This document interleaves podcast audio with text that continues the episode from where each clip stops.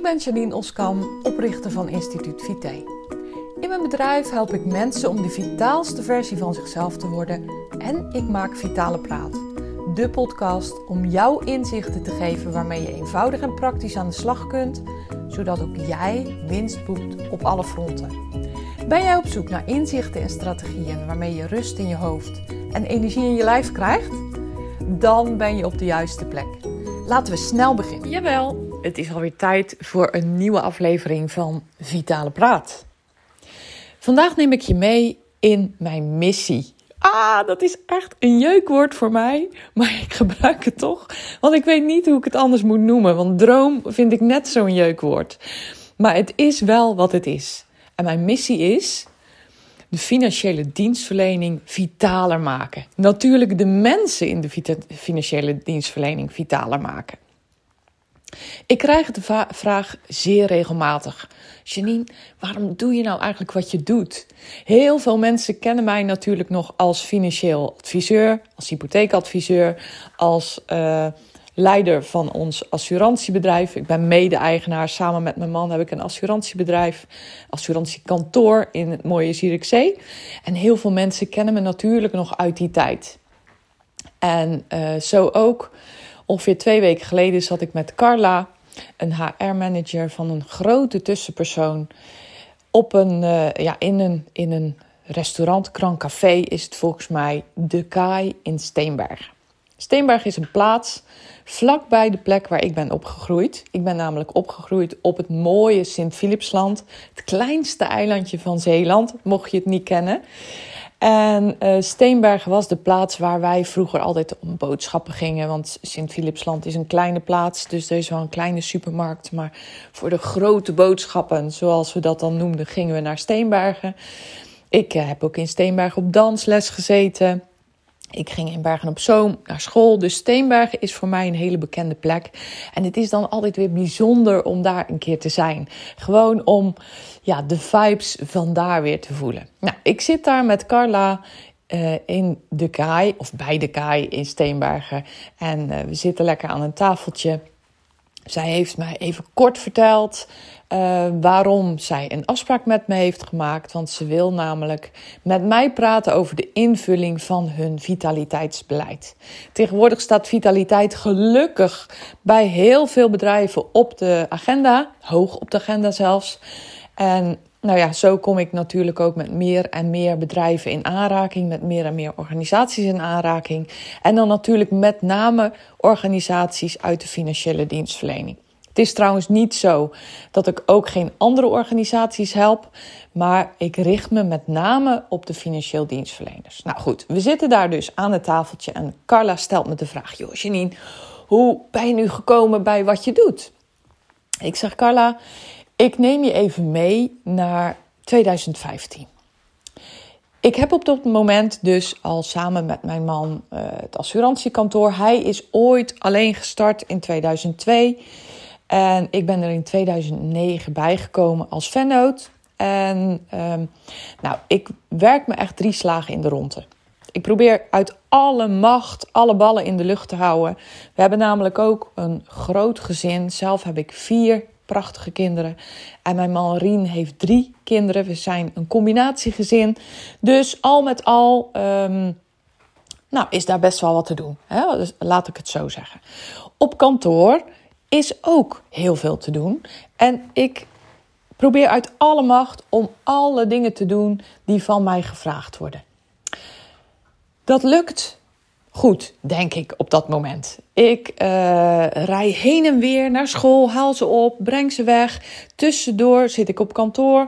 S'avonds, als de kinderen in bed liggen, ga ik ook nog even aan het werk. En op die manier uh, kan ik alles ronddraaien. Ik zeg ook wekelijks tegen mezelf, nou zelfs dagelijks, nou als ik nu nog even doorzet, dan is het volgende week vast beter. Ik geloof op dat moment ook echt dat dat zo is. Ik zie Carla schudden met haar hoofd en uh, ze zegt ja, maar dat is natuurlijk niet zo. Ik zeg nee, dat is zeker niet zo. Alleen zag ik dat toen echt nog niet. En ik ga verder met mijn verhaal. Ik zeg, um, nou, ik heb behoorlijk wat klachten op dat moment. Ik ben eigenlijk altijd moe. Ik word al moe wakker. Ik slaap ook slecht. Want ik word stevast als ik mijn ogen opensla om drie uur s'nachts om even naar de wc te gaan. Uh, vliegt er een uh, dossier in mijn hoofd. Wat er niet meer uitgaat tot vijf uur, half zes morgens. Waar ik dan tegen de ochtend weer even in slaap val. En nog een paar uh, half uurtjes slaap meepik voordat de wekker weer afgaat. Dus ik sta al doodmoe op slaap slecht, heb steeds vaker hoofdpijn, heb nog allerlei andere klachten waar ik je nu verder niet mee zal vermoeien. Maar mijn to-do-lijst wordt steeds langer.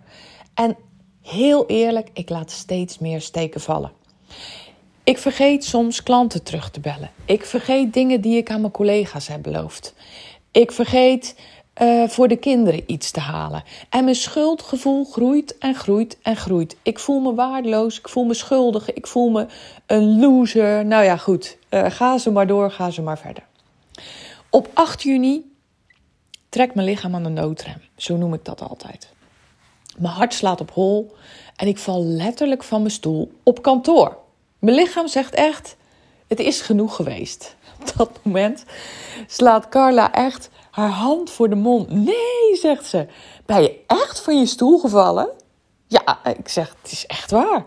En ik lach erom. Ik kan er gelukkig nu om lachen, want ik zie ook hoe absurd de situatie toen was.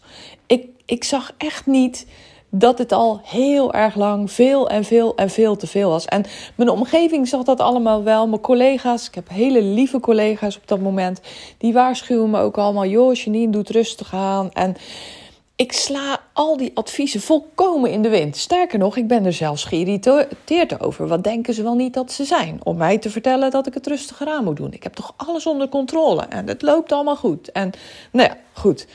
Ik val dus van mijn stoel en uh, mijn collega's brengen me naar de huisarts. En de diagnose die is zo klaar als een klontje. Een burn-out. De weken die volgen gaan in een soort waas aan me voorbij. Ik weet daar echt ook niks meer van. Ik weet, uh, ik heb een paar foto's dat ik op de bank lig, als, echt als een soort zombie, als een schim van mezelf. Ik slaap ongelooflijk veel en ik kom uiteindelijk tot rust. Nou, op enig moment heb ik een voor mij enorm pittig gesprek met mijn oudste, Caro. Ze zegt in dat gesprek dingen die bij mij een enorm inzicht geven. En ik zal er niet te lang over uitweiden, want dan wordt dit een hele lange aflevering. Maar um, ik zie opeens glashelder dat ik echt jarenlang keihard over mijn eigen grenzen heen ben gegaan. En ik zie dat ik roofbouw heb gepleegd op mijn lichaam. En dat als ik zo zou doorgaan, dat ik niet gezond oud ga worden. Carla knikt. En ik word nu gewoon een beetje emotioneel, omdat ik dat gesprek nog zo goed kan herinneren met Caro. Maar goed, na dat gesprek met Caro neem ik een besluit, zeg ik tegen Carla. En ze, ze, ze, ze hangt aan mijn lippen.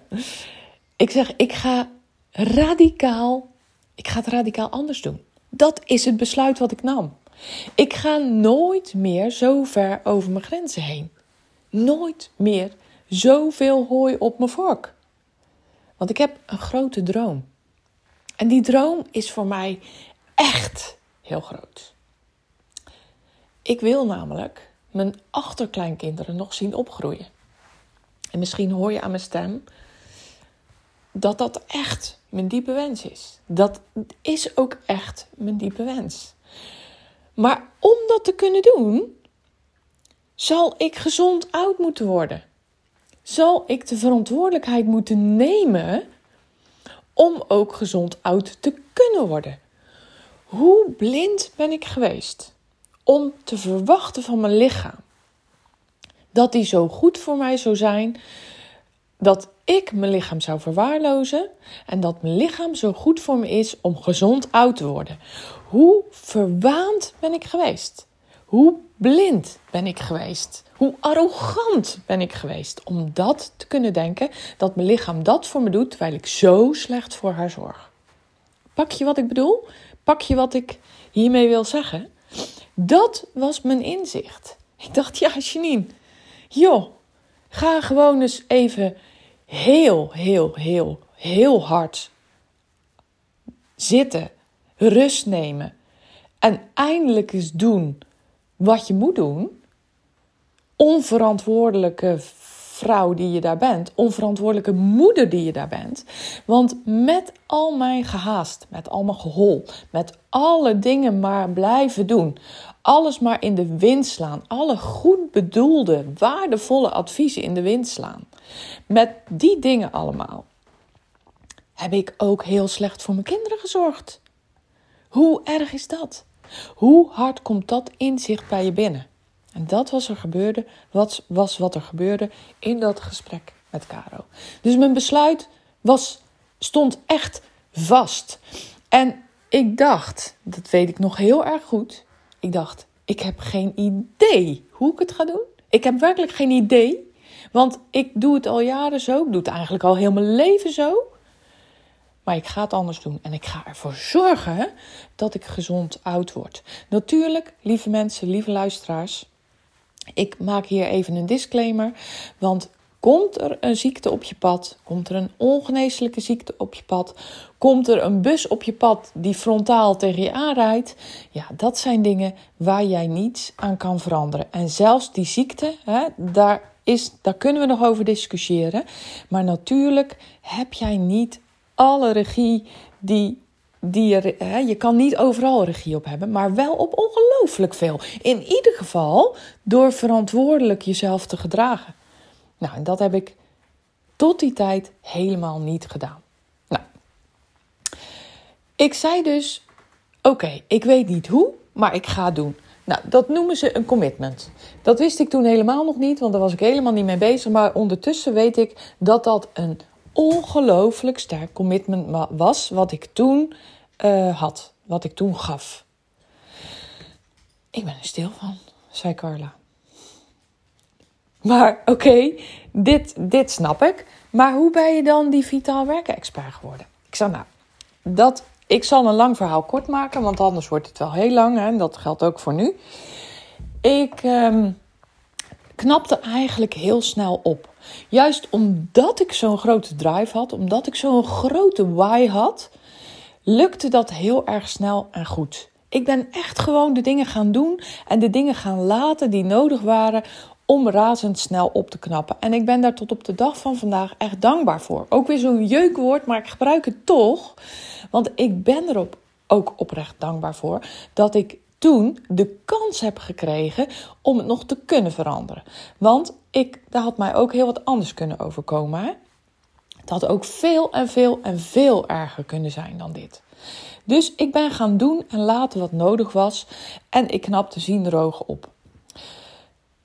Ik keek om me heen en nou, het was zelfs nog anders. Ik heb in de loop der jaren, ik werk al meer dan 25 jaar in de financiële dienstverlening. In de loop van de jaren heb ik zoveel ernstige dingen zien gebeuren met lieve collega's, met gewaardeerde collega's, met hardwerkende mensen, met mensen voor enorm veel hart voor hun werk, voor hun klanten, voor hun collega's, die zichzelf verloren zijn, die ergere dingen hebben meegemaakt dan ik. Bij mij was het maar een burn-out. Maar ik ken een hele gewaardeerde, lieve collega die een ernstige hersenbloeding heeft gekregen. Ik ken een gewaardeerde collega die is overleden, plotseling, hartstilstand. En nou, zo kan ik er nog een aantal opnoemen die echt veel slechter terecht zijn gekomen dan ik. Ik dacht, ik voelde eigenlijk het als een soort ja, taak. Ook dat is weer een beetje jeukerig, maar ik ga toch zeggen. Nou, nee, ik, dacht eigenlijk gewoon van, joh, ik, ik wil gewoon mijn branche gaan helpen. Ik wil er gewoon voor zorgen dat er zo min mogelijk mensen in deze enorme kuil stappen. Ik wil gewoon de mensen uit mijn branche gaan leren hoe ze dit soort de ziektes, uh, incidenten, akelige dingen kunnen voorkomen. Want je kan het voorkomen. En het is zo eenvoudig. Het is veel en veel en veel eenvoudiger dan de meeste mensen denken. En dat is mijn missie. Ik wil mijn branche vitaler maken. Ik wil de mensen in mijn branche vitaler maken. Ik wil ervoor zorgen dat de organisaties mensen hebben die duurzaam inzetbaar zijn. Ik wil ervoor zorgen dat de organisaties mensen hebben die bijna geen verzuim hebben. Mensen die misschien eens een keer een dagje ziek zijn, misschien ook nog wel twee dagen en zelfs een weekje, maar dan gewoon weer lekker opgeknapt zijn en het werk kunnen doen waar ze zo goed in zijn. Onze branche is, heeft een ongelooflijke belangrijke taak, maatschappelijk gezien. Wij hebben zo een belangrijke taak om ervoor te zorgen dat risico's die mensen lopen, ofwel financieel worden afgedekt, ofwel dat wij ze erop wijzen en dat we laten zien hoe je die risico, risico's kunt beperken. Dat is onze taak, dat is onze maatschappelijke taak. En het, ik zie het als mijn taak om ervoor te zorgen dat al deze mooie, um, bekwame mensen die werken in onze branche dit kunnen blijven doen, in hun kracht staan. Dat deze mensen ook echt gewoon op een vitale manier s'avonds nog kunnen genieten van hun vrije tijd.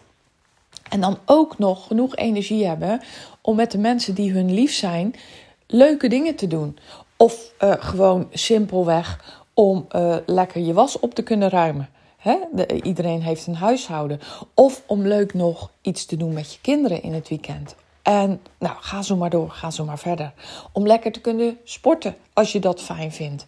Om je hobby uit te kunnen oefenen. Om gezellig met je partner uh, leuke dingen te doen. Samen te zijn. Zodat ook je relatie goed blijft. Want hoe belangrijk is dat voor mensen? Dat dit allemaal op orde is. En dat is echt mijn grote missie. Dat is echt waar ik voor sta. Dat zie ik echt als mijn taak. En dat ga ik doen. En ik voel me echt vereerd dat ik dit mag gaan doen. Ik ben ook steeds meer mijn podium aan het pakken. Ehm, je, waarschijnlijk als je me volgt, zie je dat volop. Ik heb een presentatieopleiding gedaan, bijna afgerond. Ik zit in de afrondende fase. Ik sta op podia. Ik laat me zien. Ik wil graag uitdragen wat ik doe om zoveel mensen, mogelijk mensen te kunnen helpen. Ik krijg op dit moment ook negatieve reacties. Mensen die denken, joh, wie denk je niet dat je bent? Sta je daar met je polka dress op een podium? Ik snap het niet. Nou, en dat is helemaal goed. Dat is helemaal best. Want ik heb een missie. En dat is net als met het commitment wat ik toen had om beter te worden, om gezond oud te worden, om zo gezond mogelijk oud te worden. Dat is misschien een veel betere uitspraak. Datzelfde commitment heb ik nu. Zoveel mogelijk mensen uit mijn branche vitaler maken. Zodat ze het mooie werk kunnen doen wat voor hun ligt. Zodat ze gewoon onze maatschappij kunnen helpen om risico's af te dekken, financieel gezien, of risico's te minimaliseren. Hoe mooi is dat? Ik zeg tegen Carla, en dit is mijn verhaal. Ze kijkt me aan en zegt: Janine, ik ben er helemaal stil van. Wat een passie heb jij in je om dit te gaan doen? Nou, dat klopt. Dat klopt helemaal.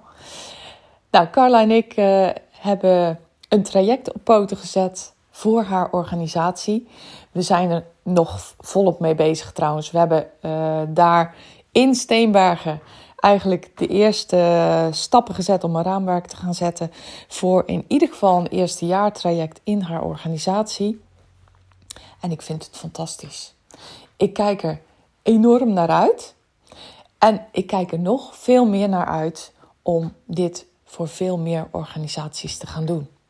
Dus hoor jij deze podcast en denk je: wauw, dit raakt mij. Ik voel dit. Ik wil er onmiddellijk mee aan de slag? Ga dan naar janineoskamp.nl slash gesprek. En daar kan je een afspraak met mij maken. Die kan je rechtstreeks boeken in mijn agenda. Op een dag en tijd die voor jou past. En dan gaan wij samen uh, bekijken wat voor jou passend is. Op welke manier ik jou verder kan helpen. Ik heb presentaties, workshops, programma's, uh, vitaal werken is een programma wat ik draai. En Vitaal Managen is een programma wat ik draai. Maar ik kan dus ook maatwerkprogramma's maken voor jouw organisatie. En dan gaan we lekker aan de slag. Hoe mooi zou het zijn als jij over een jaar, of als jouw organisatie over een jaar, heel veel stappen verder is, heel veel stappen vitaler is dan dat hij nu is. Ik ga hiermee afsluiten. Ik uh, denk dat je helemaal begrijpt wat ik bedoel. En als dat niet zo is, laat het me weten. Stuur een bericht en dan uh, ga ik het je heel graag uitleggen. Ik wens je zoals altijd een hele mooie, fijne dag. Geniet ervan en heel graag tot de volgende podcast.